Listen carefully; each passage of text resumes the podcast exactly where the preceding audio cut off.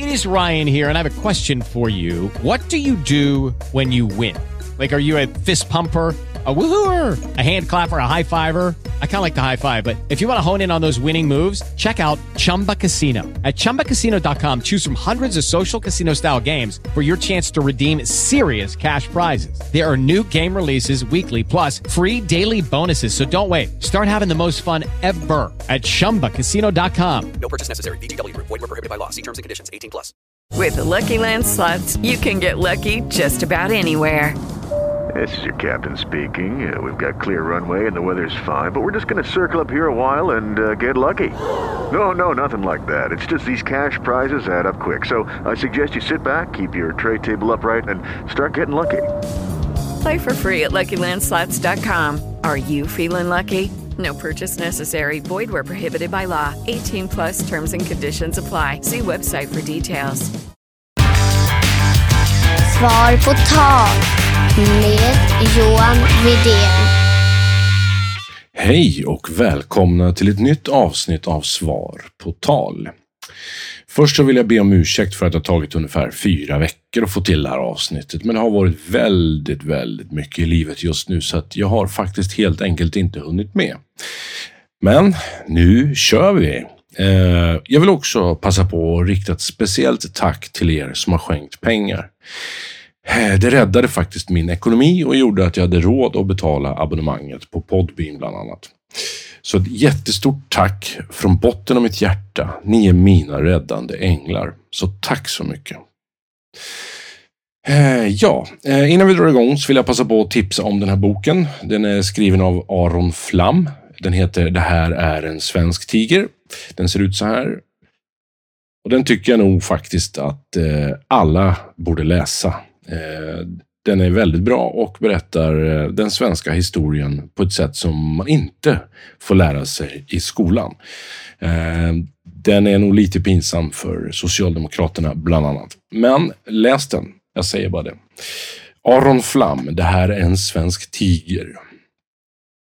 Så, är Sverige utsatt för högförräderi? Har Sverige utsatts för en statskupp?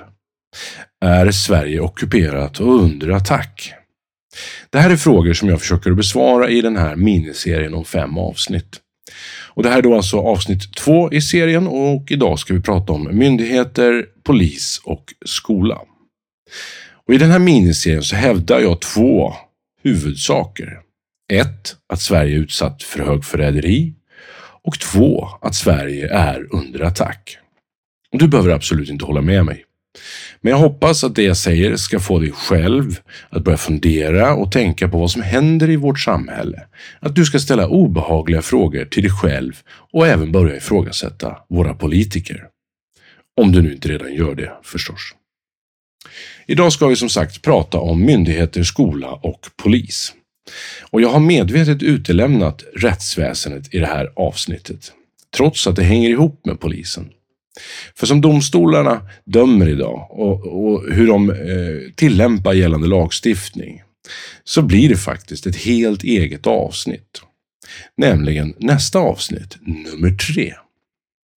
Jag tänkte i alla fall börja det här avsnittet med att berätta en anekdot ur mitt liv som är högst relevant när det gäller myndigheter och det som kallas för myndighetsutövning.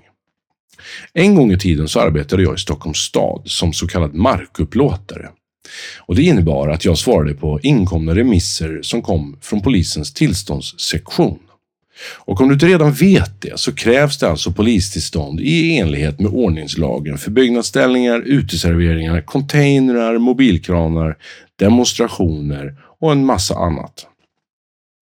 Och Det här tillståndet söker man då hos polisen eftersom det lyder under ordningslagen. Och polisen i sin tur är skyldig att skicka ut ansökan på remiss. Bland annat så skickar polisen ansökan till markägaren. Och markägaren i sin tur har rätt att ställa villkor för, för det här tillståndet samt då även ta ut en avgift för ianspråktagandet av den offentliga platsen, som det så fint heter. Till vardags kallar man det lite slarvigt för markhyra.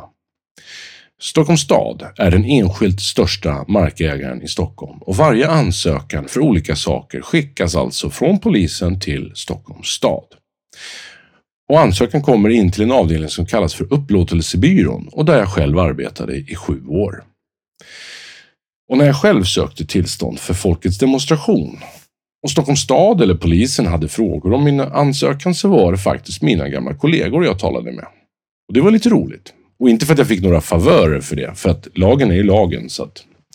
Nåväl, i valrörelsen 2002 fick en kollega till mig in en ansökan om en offentlig tillställning på Sergels torg.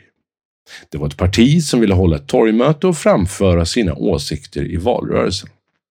Och jag minns faktiskt inte nu vilket parti det var, men förmodligen var det Sverigedemokraterna. Det var i alla fall vad vi kan kalla för ett kontroversiellt parti som sökt tillstånd. Och vi var några som satt i lunchrummet och åt lunch när kollegan kom in med den här ansökan och uttryckte till oss att hon funderade på att avslå ansökan eftersom partiet representerade en åsikt som inte är rumsren. Alltså inte politiskt korrekt, som vi skulle säga idag. Och vi alla involverades i en diskussion huruvida de skulle få tillstånd eller inte. Och ingen av oss, inte ens jag själv ska jag erkänna, reflekterade över saker som grundlagen, yttrandefrihet, åsiktsfrihet. Och som sagt, inte ens jag själv. Men det är också bland annat därför jag berättar det här. För den här händelsen var en vändpunkt i mitt liv som helt förändrade mitt sätt att tänka och gav mig en tankeställare som jag lever efter än idag. I alla fall, där satt vi då, kommunala tjänstemän som på delegation från våra politiker satt hela dagarna och sysslade med vad som kallas för myndighetsutövning och tog beslut som påverkade människors liv. Om vi, alltså jag, som handläggare avslog en ansökan och skickade ett nej till polisen så kan polisen inte utfärda ett tillstånd. Polisen har inte juridiskt stöd att gå emot markägarens nej.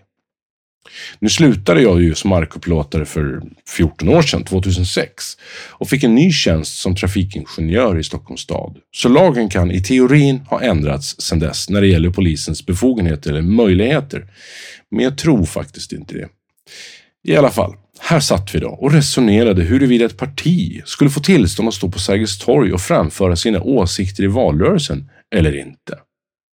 In i fikarummet kommer våran chef, Eva Leijon. Och jag väljer att namnge henne för det är den bästa chef jag har haft. Hon har ett rättspatos och en moralisk kompass som de flesta av oss bara kan drömma om. Hennes sätt att tänka och resonera har jag själv tagit stort intryck av. Så om hon mot all förmodan lyssnar på den här podden, så tack Eva. För att du var en så bra chef, förebild och inspiration. Så, medan kaffeautomaten eh, malde hennes kaffebönor och hon väntade på sitt kaffe så tittade hon på oss. Och hon hade förmodligen hört vår diskussion ute i korridoren. Vad diskuterar ni för kul då? frågade hon. Handläggaren som hade fått den här ansökan redogjorde lite snabbt för vad det gällde och vilka som hade ansökt. Vår chef, Eva, tittade på oss och konstaterade iskallt, utan att röja en min, som ens kunde ge en antydan till vad hon själv hade för åsikter om det aktuella partiet. Så hon svarade bara kort och gott. Det är bara att tillstyrka ansökan. Det är en grundlagsskyddad rättighet att stå på torget och yttra sin åsikt oavsett vilken åsikt det är. Och nu minns jag inte om hon uttryckte sig ordagrant så, men på ett ungefär. Och utan att säga ett endaste ord så gick, tog hon sitt färdiga kaffe och rusade iväg på nästa möte. Och kvar satt vi och bara konstaterade att ja men ta med tusan, det är ju hur självklart som helst. Handläggaren skickade sedan den här remissen till polisen med en så kallad tillstyrkan, alltså hon sa ja, så att de helt i, enligheten med, helt i enlighet med grundlagen fick sitt tillstånd för Sergels torg. Och vad jag vill ha sagt med den här anekdoten är att myndigheter inte ska, inte får eller kan basera sina beslut på tyckanden, känslor, genusperspektiv eller något annat skit som är helt ovidkommande. Det är lagen som gäller. Än mindre ska en myndighet ta politisk ställning, som till exempel att hissa prideflaggan på kommunens byggnad. Eller som Försvarsmakten brukar göra med sin hemsida, pryda den med regnbågens färger i pridetågstider. All myndighetsutövning regleras i olika lagar, allt från kommunallagen, förvaltningslagen till ordningslagen och allt däremellan. Och sedan finns det även lagar som reglerar särskilda myndigheter, till exempel socialtjänstlagen. I förvaltningslagen så regleras bland annat saker som att en myndighet är skyldig att registrera alla inkomna handlingar, svara inom en viss tid eller som man uttrycker det i lagen, svara skyndsamt, vad det nu kan betyda.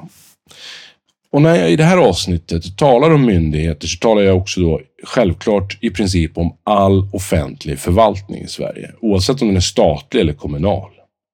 Det som kallas myndighetsutövning är reglerat i lag på ett sätt så att det inte ska finnas utrymme för personliga åsikter eller reflektioner. Det ska inte göra det, för vi som medborgare ska kunna lita på myndigheterna och att lagen följs till punkt och pricka. Som i mitt exempel, som är från det verkliga livet, spelar det alltså ingen som helst roll vilken politisk åsikt som handläggaren hade eller vad handläggaren tyckte om det aktuella partiet. Tillstånd för demonstration ska alltid medges. Man ska inte, ska inte tycka och tänka för att sedan ta ett beslut utifrån sina personliga referenser. Vi ska som medborgare kunna lita på myndigheterna, att de följer lagen och att alla beslut kan motiveras med stöd i lagen. Allt annat är faktiskt myndighetsmissbruk och maktmissbruk. Så, vad tror du? Kan vi lita på våra myndigheter idag? Mitt korta enkla svar är nej. Och jag ska ge några exempel.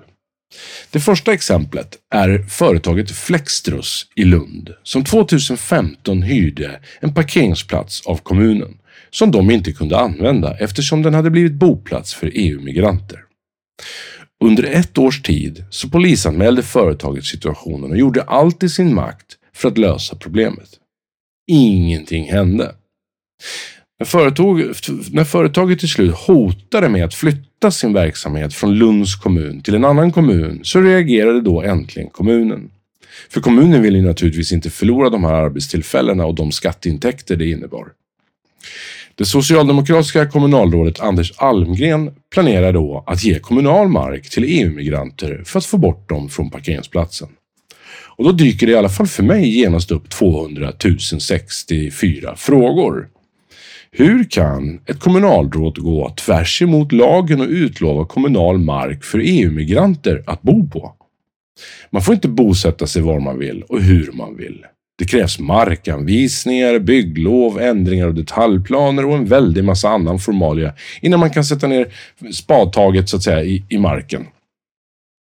Och lite senare så presenterar då den rödgrön-rosa sörjan i Lund ett förslag att upplåta Camp Källby camping till EU-migranter.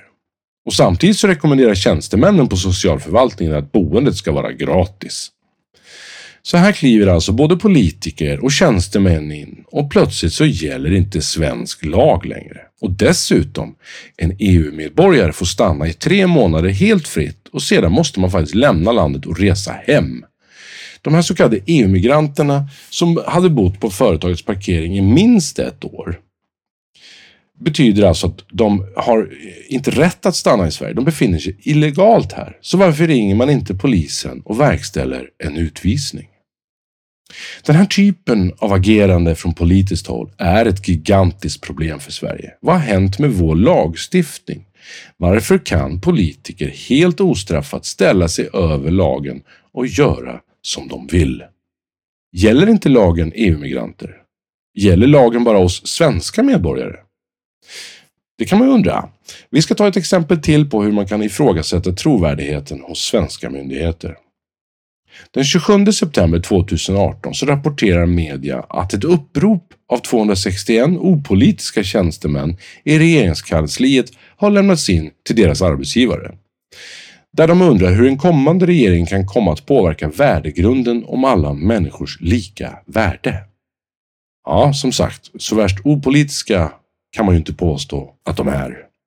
De skriver att, citat, Tjänstemännen skriver att de vill få svar på vad som går först. Deras lojalitetsplikt gentemot kommande regering eller regeringsformens bestämmelser om alla människors lika värde. Och de skriver också att de hittills som anställda under regeringar av olika färg inte har behövt oroa sig för en sådan lojalitetskonflikt. Men att de nu vill få garantier för att nästa regering eller regeringsunderlag inte kommer att urholka regeringskansliets värdegrund och policies inom mångfald och icke-diskriminering. Man kan alltså förstå att det pratas om huruvida Åkesson skulle bli statsminister eller inte. Eftersom då de här 261 tjänstemännen i regeringskansliet går ut och officiellt klargör sin ståndpunkt så kan man då också ifrågasätta om de är kapabla i sitt dagliga arbete att göra sitt jobb utan att lägga in personliga värderingar i sina beslut. Jag betvivlar det starkt. Hade jag senare varit den som bildat regering så hade dessa 261 tjänstemän fått sparken på stående fot. Ja, så om man sammanfattar det här med just myndigheter så anser i alla fall jag att vi inte längre kan lita på dem. De gör inte sitt jobb i enlighet med lagen eftersom svenska moderna tjänstemän är till hälften tjänstemän och till hälften politiska aktivister. Ja, då kan man ju också fråga sig, kan vi lita på polisen åtminstone då? Mm. Då ska vi börja med att lyssna på Dan Eliasson när han som rikspolischef i SVTs Godmorgon Sverige den 26 januari 2016 uttalar sig om mordet där en ung asylansökande eh, en ung asylansökande man huggit en ung kvinna som arbetade på asylboendet. Han har alltså huggit henne i ryggen så hon har avlidit. Och så här säger Dan Eliasson. Då har vi rikspolischef Dan Eliasson. Välkommen. Tack så mycket. Vad tänker du om det som hänt? Ja, man blir ju naturligtvis förtvivlad och, och alla inblandades vägnar. Naturligtvis den som blir dödad och dennes anhöriga.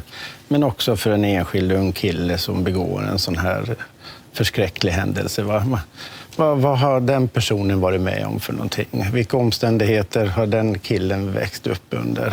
Vad är det för trauma som han bär med sig? Det, hela den här flyktingkrisen eh, visar ju på hur orättvist livet är i många delar av världen. Och, och, och vi får hjälpa till att försöka lösa det här efter bästa förmåga. Så sent som igår. Mm. Och här kan vi då alltså höra rikspolischefen sitta och försvara en mördare. Och det säger en hel del om hur snett det har gått i Sverige och att vi starkt kan ifrågasätta om Polismyndigheten bedriver sitt arbete utifrån lagen eller utifrån aktivism. Peter Springare skriver i sin bok Polis om ett stressat våldsmonopol och det är en bok som jag tycker att alla borde läsa. Citat. En viktig orsak till Polismyndighetens tillkortakommande är att myndigheten både mentalt och organisatoriskt ligger kvar i strukturer som var gångbara på 1980-talet. Det råder ingen tvekan om att polisen står handfallen inför den importerade kriminaliteten och inför kriminella personer som är ifrån eller har sitt ursprung i MENA-länderna. Mycket av den importerade kriminaliteten kommer från länder med helt andra levnadsbetingelser och utbildningsnivåer. Somalia och Afghanistan till exempel har sargats svårt av krig och inbördeskrig under decennier, vilket naturligtvis fått som resultat att det civila samhällets behov av utbildning, infrastruktur, sjukvård och rättsväsende helt åsidosatts. Sharia-lagar och islamsk rätt passar inte det svenska rättssystemet som bygger på andra grunder. Afghanska och somaliska kvinnor måste bära slöja och har inte samma värde som mannen.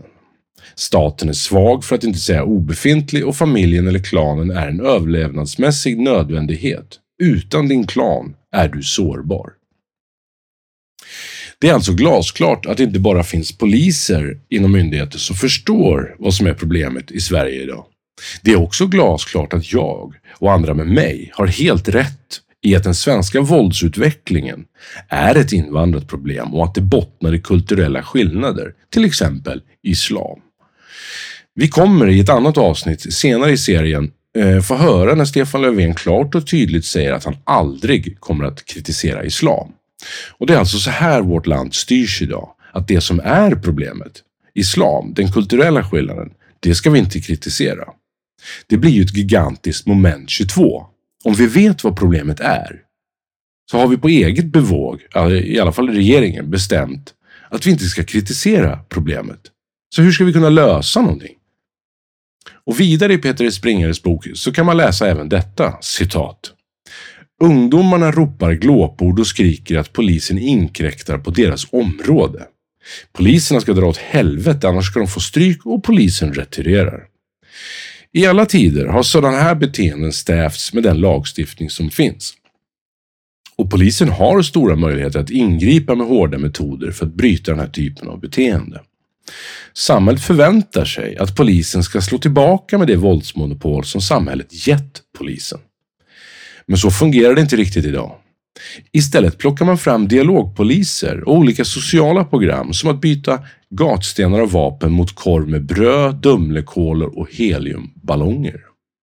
Var och en förstår ju att det är kontraproduktivt och att det aldrig kommer att fungera. Ändå så är det här huvudspåret just inom svensk polis i arbetet att ta tillbaka gatorna. Polisen har genom sitt passiva beteende skapat en nedåtgående spiral som bara slår mot polisverksamheten och som direkt påverkar hela samhället negativt. Ja, och som man kan förstå när man läser Peter Springares bok så är alltså den svenska polisen helt ute och cyklar. Man har retirerat och överlämnat våldsmonopolet till gärningsmännen. Och när gärningsmännen sätter hårt mot hårt, då backar svensk polis. Och självklart så kommer vi aldrig kunna nå, alltså få någon respekt för våra lagar, vårt samhälle eller oss själva som svenskar om vi låter de kriminella ta över. Polismyndigheten bedriver alltså idag sin verksamhet utifrån politisk aktivism och rena fantasier om att bullar och saft ska få invandrade kriminella ungdomar att sluta begå brott. Det är lite som att Polen skulle ha bjudit in Hitler på kaffe och semla för att Hitler skulle vara snäll och sluta ockupera Polen. Polismyndigheten behöver alltså återigen reformeras och styras av lagen istället för socialdemokratisk saft och bulle-aktivism. Och vad jag själv kan minnas från lagstiftningen så har ju poliser ett högre rättsskydd än gemene man i samhället. Så varför går inte polisen in med hårdhandskarna och helt enkelt tar hand om buset? Det är ju sånt man kan fråga sig, men det är ju ganska uppenbart, i alla fall för mig, att vi inte kan lita, inte ens på Polismyndigheten idag. Och då menar jag inte enskilda poliser som försöker göra sitt jobb. Men de här enskilda poliserna är helt bakbundna av chefernas politiska aktivism. Och det skriver Peter Springer också om. Att poliser som fattar att det här tramset med saft och bullar inte fungerar, dessa poliser måste hålla tyst om de vill behålla jobbet. För om man kritiserar ledningen inom polisen så blir man utfryst och får mindre roliga arbetsuppgifter. Eller så slutar de här poliserna för de orkar inte med skiten. Och då, när alla har slutat eller blivit omplacerade, då har vi ju bara de poliser kvar som gör som ledningen säger eller som tycker som ledningen tycker. Och sen kan man då läsa om att enligt polisens egen granskning så ökar antalet anmälda brott utförda av barn upp till 14 år. Det ökar kraftigt i Sverige. Att polisen Region Mitt har granskat utvecklingen i hela landet och från 2016 till till och med 2019 ökade antalet anmälningar om barn och våldsbrott med 35 procent samt att polisen ser att allt fler unga flickor begår våldsbrott. Mm. Och då kan man ju undra, vad beror det på? Då kan vi ju citera Peter Springare igen. Samhället förväntar sig att polisen ska slå tillbaka med det våldsmonopol som samhället gett polisen. Men det fungerar inte riktigt så idag. Istället plockar man fram dialogpoliser och olika sociala program som att byta gatstenar och vapen mot korv, Dumlekolor och heliumballonger. Det säger sig självt att självklart så kommer inte några ungdomar att sluta begå brott och rätta in sig i ledet när polisen bjuder på korv med bröd när de har gjort brott. Och så kan man läsa i nyhetsflödet den 12 februari 2020 att ungdomsrån med sadistiska inslag är ett ökande och allt mer uppmärksammat fenomen. I Aktuellt så intervjuas polischefen Karin Götblad om vilka som egentligen begår de här brotten och hon svarar då att polisen inte får föra register över exempelvis etnicitet. Och då kan jag ju fråga, vem fan har bestämt det? Är det inte polisens huvuduppgift att beivra och lösa brott? Det borde ju vara en självklart en självklarhet att föra register över bland annat etnicitet eftersom det kan vara, och jag säger kan vara, en nyckel till att förstå och därmed ha en chans att hitta en lösning på problemet. Men självklart får inte polisen föra sådana register eh, eftersom det skulle bevisa att sådana som jag, alltså samhällskritiker, att alla vi har rätt. Det är inte Kalle, Pelle och Stina som begår de här grova sadistiska brotten där man pissar sina offer i mun. Det är ett kulturellt invandrat problem. Och vi kommer aldrig, jag upprepar aldrig, att få någon som helst ordning på det här samhället om Polismyndigheten ska vara bakbundna av en politisk toppstyrning. Och den enskilda polisen vågar inte heller ta i med hårdhandskarna trots att polisen har stöd i lagen för det. Eftersom den enskilda polisen inte kommer att få stöd och backning av högre chefer. Och definitivt den enskilda polisen kommer inte få något stöd av justitieminister Morgan Lillemannen Johansson. Så då backar polisen och de kriminella tar över gatorna. Och hur har då Sverige hamnat i den här soppan? Ja, då kommer vi per automatik in på skolan. Vad sysslar skolan med? Man skulle ju kunna tro att skolans huvuduppgift är att lära ut kunskap till eleverna. Att ett plus ett är två och så vidare. Men tyvärr så är det inte nu längre. Skolan har blivit en plats där man hjärntvättar och indoktrinerar eleverna. Och jag har själv suttit i möte med en rektor som sa citat Skolans uppgift är att uppfostra goda medborgare. Notera rektorns val av ord. Uppfostra. Sug på den lite grann. Enligt rektorn så är det alltså skolans uppgift att uppfostra barnen. Nej, det är verkligen inte skolans uppgift. Skolan ska lära eleverna en massa saker. Inte bara grundläggande kunskaper utan även om saker som demokrati, mänskliga rättigheter, värdighet med mera. Skolan ska lära ut det här. Skolan ska inte uppfostra barnen. Det är två helt olika saker. Susanne Björkbom arbetar som biträdande skolchef i Luleå kommun. Hon beskriver sig själv som citat världsförälder, kosmopolit och kulturtant. Den 28 februari 2020 klockan 07.22 publicerar hon på sin Twitter följande tweet. Citat. Jag tycker att coronaviruset är bra och effektivt. Det är det enda som lyckats med att flytta medias fokus från SD. Och det här är alltså Luleå kommuns skolchef som uttrycker det här. Och då kan man ju börja fundera på hur hon bedriver sin skolverksamhet i Luleå. Och självklart, jag påpekade direkt, vi har åsiktsfrihet och yttrandefrihet i Sverige, så att hon får ju tycka precis vad hon vill privat. Jag säger ingenting om det. Men det är oerhört oroande, för hon är ju inte den enda personen inom skolväsendet som verkar drivas mer av aktivism än det som hon egentligen ska syssla med. Ett annat exempel är när man i dotterns klass diskuterade EU. Läraren var på ett tydligt sätt positivt inställd till EU och saluförde EU som en bra sak. När dottern då började ställa lite obekväma frågor, som till exempel varför EU-medlemskapet är inskriven i svensk grundlag utan att folket har fått rösta om saken. Då avbröt läraren diskussionen och sen har de inte pratat mer om EU i skolan. Och skolan ska ju alltså vara en plats som är fri från politisk påverkan och lärarna ska vara politiskt neutrala. Men när Richard Jomshof fick sparken som lärare för att han är Sverigedemokrat så är det inte bara ett brott mot mänskliga rättigheter. Det är också ett extremt bevis på den aktivism som råder i skolmiljön. Så inte nog med att skolan utövar indoktrinering av våra barn, så kan man också den 27 november 2019 i Samhällsnytt läsa följande citat. Samhällsnytt har pratat med en lärare som i många år arbetat på skolor i Malmöområdet. Läraren beskriver sin arbetsmiljö som kaotisk medan ledningen medvetet mörkar problemen. Han målar upp en mörk bild av den svenska skolan och menar att framtiden i Malmö ser dyster ut när nuvarande problem kommer att tillta i styrka. Och vidare säger läraren att islam är den religion som förtrycker överlägset mest ute på skolorna. Men detta tystas ner på olika sätt. Barnen får lära sig om otrogna hundar och grisar, som är alltså svenskar och andra som är icke-muslimer. Och detta lär de sig redan i lågstadiet. Så vad tror ni om det här? Kommer vi att få vuxna, bra människor som kan föra demokratin framåt? Där jämställdhet mellan könen kommer att vara en prioritet.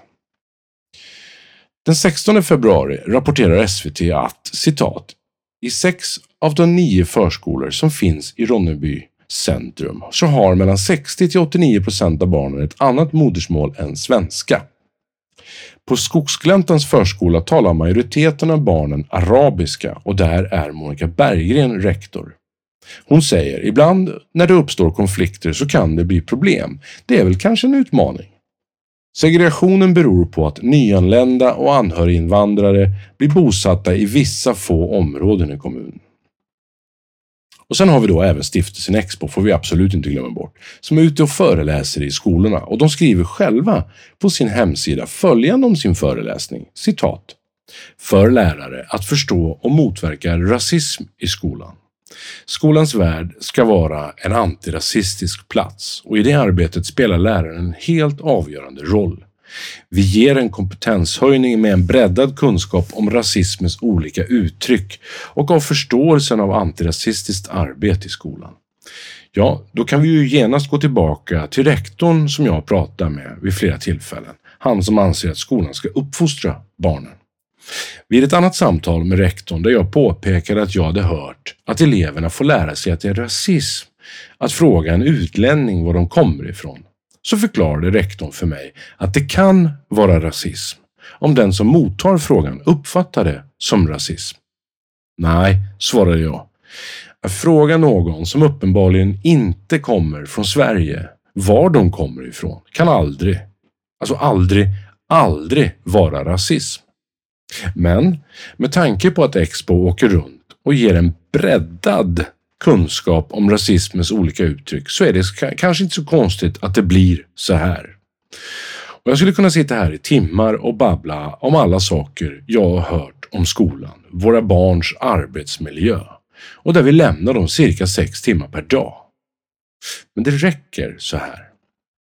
För skolan har idag utvecklats till ren hjärntvätt där man ska uppfostra barnen till att bli goda medborgare, alltså i sak, att bli politiskt korrekta. Och det är inte så konstigt att unga människor idag helt okritiskt litar på Greta Thunberg, SVT och sjuklöverpolitikerna. För de har hjärntvättats till det i skolan. Det där kritiska tänkandet som skolan påstår sig lära ut, det är bara skitsnack. Skolan har blivit en plats där vi uppfostrar barnen till att bli framtida 1984. Där medborgarna tycker lika och där tvärtomspråket är ännu mer utbrett än idag. Som sagt, det finns mycket att säga om det här, men man kan konstatera att myndigheterna, polisväsendet samt även skolan idag drivs av ren och skär politisk aktivism. Och det bådar inte gott för framtiden. Det var vad jag hade tänkt att säga om eh, polis, skola och myndigheter i det här avsnittet. Men som sagt, Svar på tal drivs ju helt ideellt. Så om du har råd och viljan så får du jättegärna skänka en slant. Varenda liten krona behövs och ingen gåva är för liten och ingen gåva är för stor. Swisha till 0708 974 971. 0708 974 971 och skriv gåva i meddelandet. Det finns ingen efterfrågan på utrikesfödda analfabeter. Så sa samordnaren på Arbetsförmedlingen i Filipstad och satte fingret på problemet med den havererade välfärden. Det är alltså fler som ska leva på försörjningsstöd medan det blir färre och färre som bidrar till att det finns pengar i systemet som kan betalas ut till försörjningsstöd. I nästa avsnitt ska vi alltså tala om rättsväsendet och det kommer att bli spännande. Så missa inte det och tills vi hörs då, simma lugnt!